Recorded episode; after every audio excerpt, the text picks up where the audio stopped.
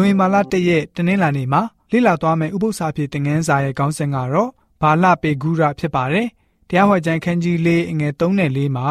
ဣတိလလူမျိုးသားသမီးတွေဟာရာဇဝင်သင်ခန်းစာပေးခြင်းခံခဲ့ရပါတယ်။အတိတ်ကိုအမြဲတတိယစေဖို့အတွက်ဖြစ်ပါတယ်။ဝိညာဉ်ရေးဘက်မှာရောနေ့စဉ်လက်တွေ့အသက်တာမှာရောလွန်ခဲ့တဲ့အတိတ်ကဖြစ်ရတွေကိုသင်ယူတတ်ဖို့ဖြစ်ပါတယ်။တောလျာကျမ်းခန်းကြီး25အငယ်1ကနေ15ကိုဖတ်ကြည့်မယ်ဆိုလို့ရှိရင်တော့ ဣတိလလူမျိုးတွေဟာဆိုလို့ရှိရင်တပားမျိုးသားတွေကိုယူပြီးတော့တပားမျိုးသားတွေရဲ့ဖျားကိုဝုပြုကုကွယ်လာတယ်ဆိုတာကိုတွေ့ရမှာပဲဖြစ်ပါတယ်။ဣတိလတွေအိန္ဒိချင်းနိုင်ငံတွေကိုတိုက်ခိုက်နေနှင်းချင်းပေါ်မှာကျွန်တော်တို့အနေနဲ့စိတ်ကတိကအောက်ဘလောက်ပဲဖြစ်စေကမူအဲ့ဒီရာဇဝင်သမိုင်းဟာနောက်ခံအကြောင်းကိုကောင်းစွာရှင်းပြနိုင်ပါတယ်။ဣတိလလူတွေဟာတပားမျိုးသားနိုင်ငံတွေအတွက်တသက်ခံအဖြစ်စစ်မှန်တဲ့ထာဝရဘုရားကိုကူးကွယ်ကြောင်းကိုပြသရမှာဖြစ်ပါတယ်။ ဖျားရှင်တဆူတည်းရှိတဲ့အကြောင်းကိုတသက်ပြကြရပါမယ်။စစ်မှန်တဲ့ဖျားကိုကူးကွယ်ခြင်းမှာဘယ်လိုမျိုးကောင်းစားတဲ့အကြောင်းပြရမှာဖြစ်ပါတယ်။တပားမျိုးသားတွေရဲ့ဖျားကိုစိတ်ဝင်စားအားကိုးတာထက်ဖန်ဆင်းရှင်ဖျားကိုသာလျှင်ကိုးကွယ်ယုံကြည်မှုရှိဖို့မကြာခဏပြက်ကွက်ပြီးတော့ဖျားရှင်ကိုတစ္ဆာဖောက်တက်ခဲ့ကြပါတယ်။ကဘာတခွင်ကိုမိမိတို့ကိုစားပြုပြသပေးရမယ့်အစားထော်တော်ဖျားကိုစန့်ကျင်ခဲ့ကြတာတွေ့ရပါတယ်။ပြည်တစားနဲ့မှားယွင်းခြင်းအဖြစ်ကိုမကြာခဏဝိညာဉ်ရေးရာသဘောနဲ့နိုင်ရှင်ဆိုလို တတ်ပါတယ်။ဣတိလလူတွေဟာတပားမျိုးသားတွေကိုကိုယ်တဲ့နတ်တွေကိုလိုက်ပါချီခဲ့ကြပါတယ်။အဲ့ဒီပြဿနာမှာဘာသာစကားရဲ့ဆိုလိုချက်အရ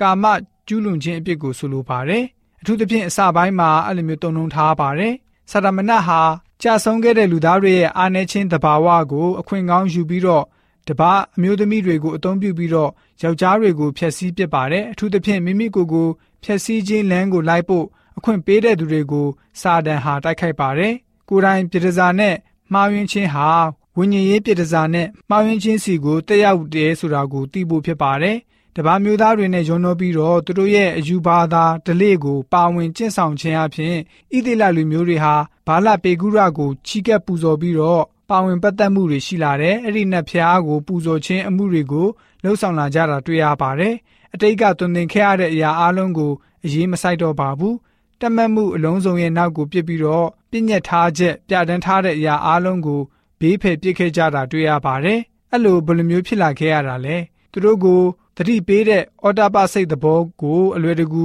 ညင်းပယ်ပြီးတော့မှအပြစ်ပြုခြင်းကိုစိတ်နှလုံးမှာကြောစွာဦးစားပေးလုပ်ခဲ့ကြတာတွေ့ရပါတယ်။ကိုကာယကိလေသာတတ်မှတ်မှုကိုအခွင့်ပေးခဲ့တာတွေ့ရပါတယ်။ကိုကာယကနေဝိညာဉ်ရေးကြဆုံးခြင်းကိုရောက်ရှိသွားစေဖို့စာတန်ရဲ့အဓိကပန်းနိုင်ဖြစ်ပါတယ်။ ကျမ်းကျက်ရဲ့ဖော်ပြချက်အရ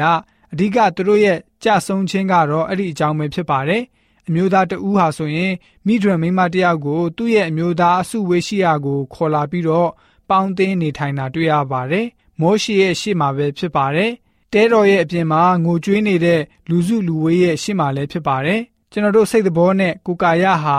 ဆက်နွယ်လည်းရှိပါတယ်။တစ်ခုကိုတစ်ခုထိခိုက်မယ်ဆိုရင်ကြံတစ်ခုကိုထိခိုက်သွားပါတယ်။ခုနကဣသေလလူမျိုးတွေ တွေ့ကြုံခဲ့ရတဲ့အကြောင်းအရာကိုကျွန်တော်တို့အနေနဲ့သင်ယူစရာတွေရှိပါတယ်။စာရမဏရဲ့ဥတီချက်ဟာဆိုလို့ရှိရင်တော့ကိုကာယစုံစမ်းခြင်းကနေဝိညာဉ်ရေးကြဆုံးသွားအောင်သူဟာဆိုလို့ရှိရင်လှုပ်ဆောင်နေလည်းရှိပါတယ်ဒီတို့ကြောင့်ကျွန်တော်တို့ယုံကြည်သူများအနေနဲ့ကိုကာယတက်မှတ်ခြင်းတွေကိုရှောင်ကျဉ်ပြီးတော့ဝိညာဉ်ရေးအသက်တာကြီးပွားတိုးတက်တဲ့ယုံကြည်သူတွေဖြစ်စေဖို့အတွက်တနင်္လာနေ့ဥပုသ္စာဖြစ်တဲ့ငန်းစာကဖော်ပြပေးထားပါတယ်